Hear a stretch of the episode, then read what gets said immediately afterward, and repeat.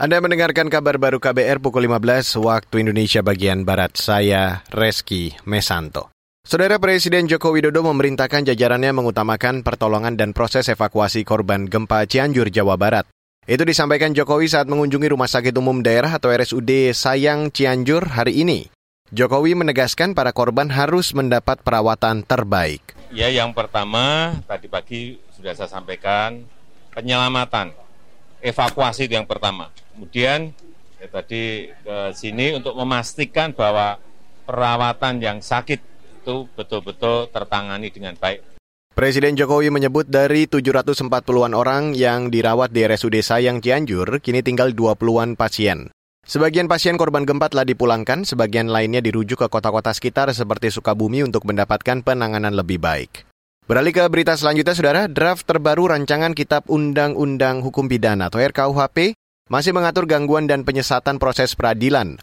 Pasal tersebut mengatur pidana denda bagi yang mempublikasikan siaran langsung persidangan tanpa izin. Wakil Menteri Hukum dan HAM Edward Hirage mengklaim aturan itu tidak akan mereduksi kebebasan insan pers dalam meliput persidangan. Huruf C cukup jelas, huruf D yang dimasukkan dengan mempublikasikan proses persidangan secara langsung yaitu live streaming. Tidak mengurangi kebebasan jurnalis atau wartawan untuk menulis berita tanpa mempublikasikannya setelah sidang pengadilan. Item ke-13 pasal 281 dan, dan mempublikasikannya setelah sidang pengadilan. Saudara itu tadi Wamenkumham Edward Hirage. Adapun denda kategori 2 seperti diatur dalam RKUHP adalah denda dengan nominal maksimal 10 juta rupiah. Denda berlaku bagi pihak yang tidak mematuhi perintah pengadilan saat proses persidangan. Saudara kalangan pengusaha berencana menggugat aturan kenaikan upah yang terbaru. Peraturan Menteri Ketenagakerjaan itu salah satunya mengatur kenaikan upah minimum 2023 maksimal sebesar 10 persen.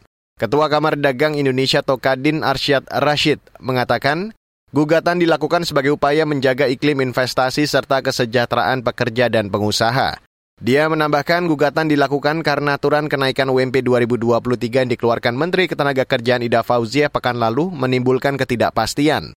Sebab jika mengacu putusan Mahkamah Konstitusi atas uji materi Undang-Undang Cipta Kerja, peraturan pemerintah tentang pengupahan masih berlaku dalam dua tahun hingga ada perbaikan.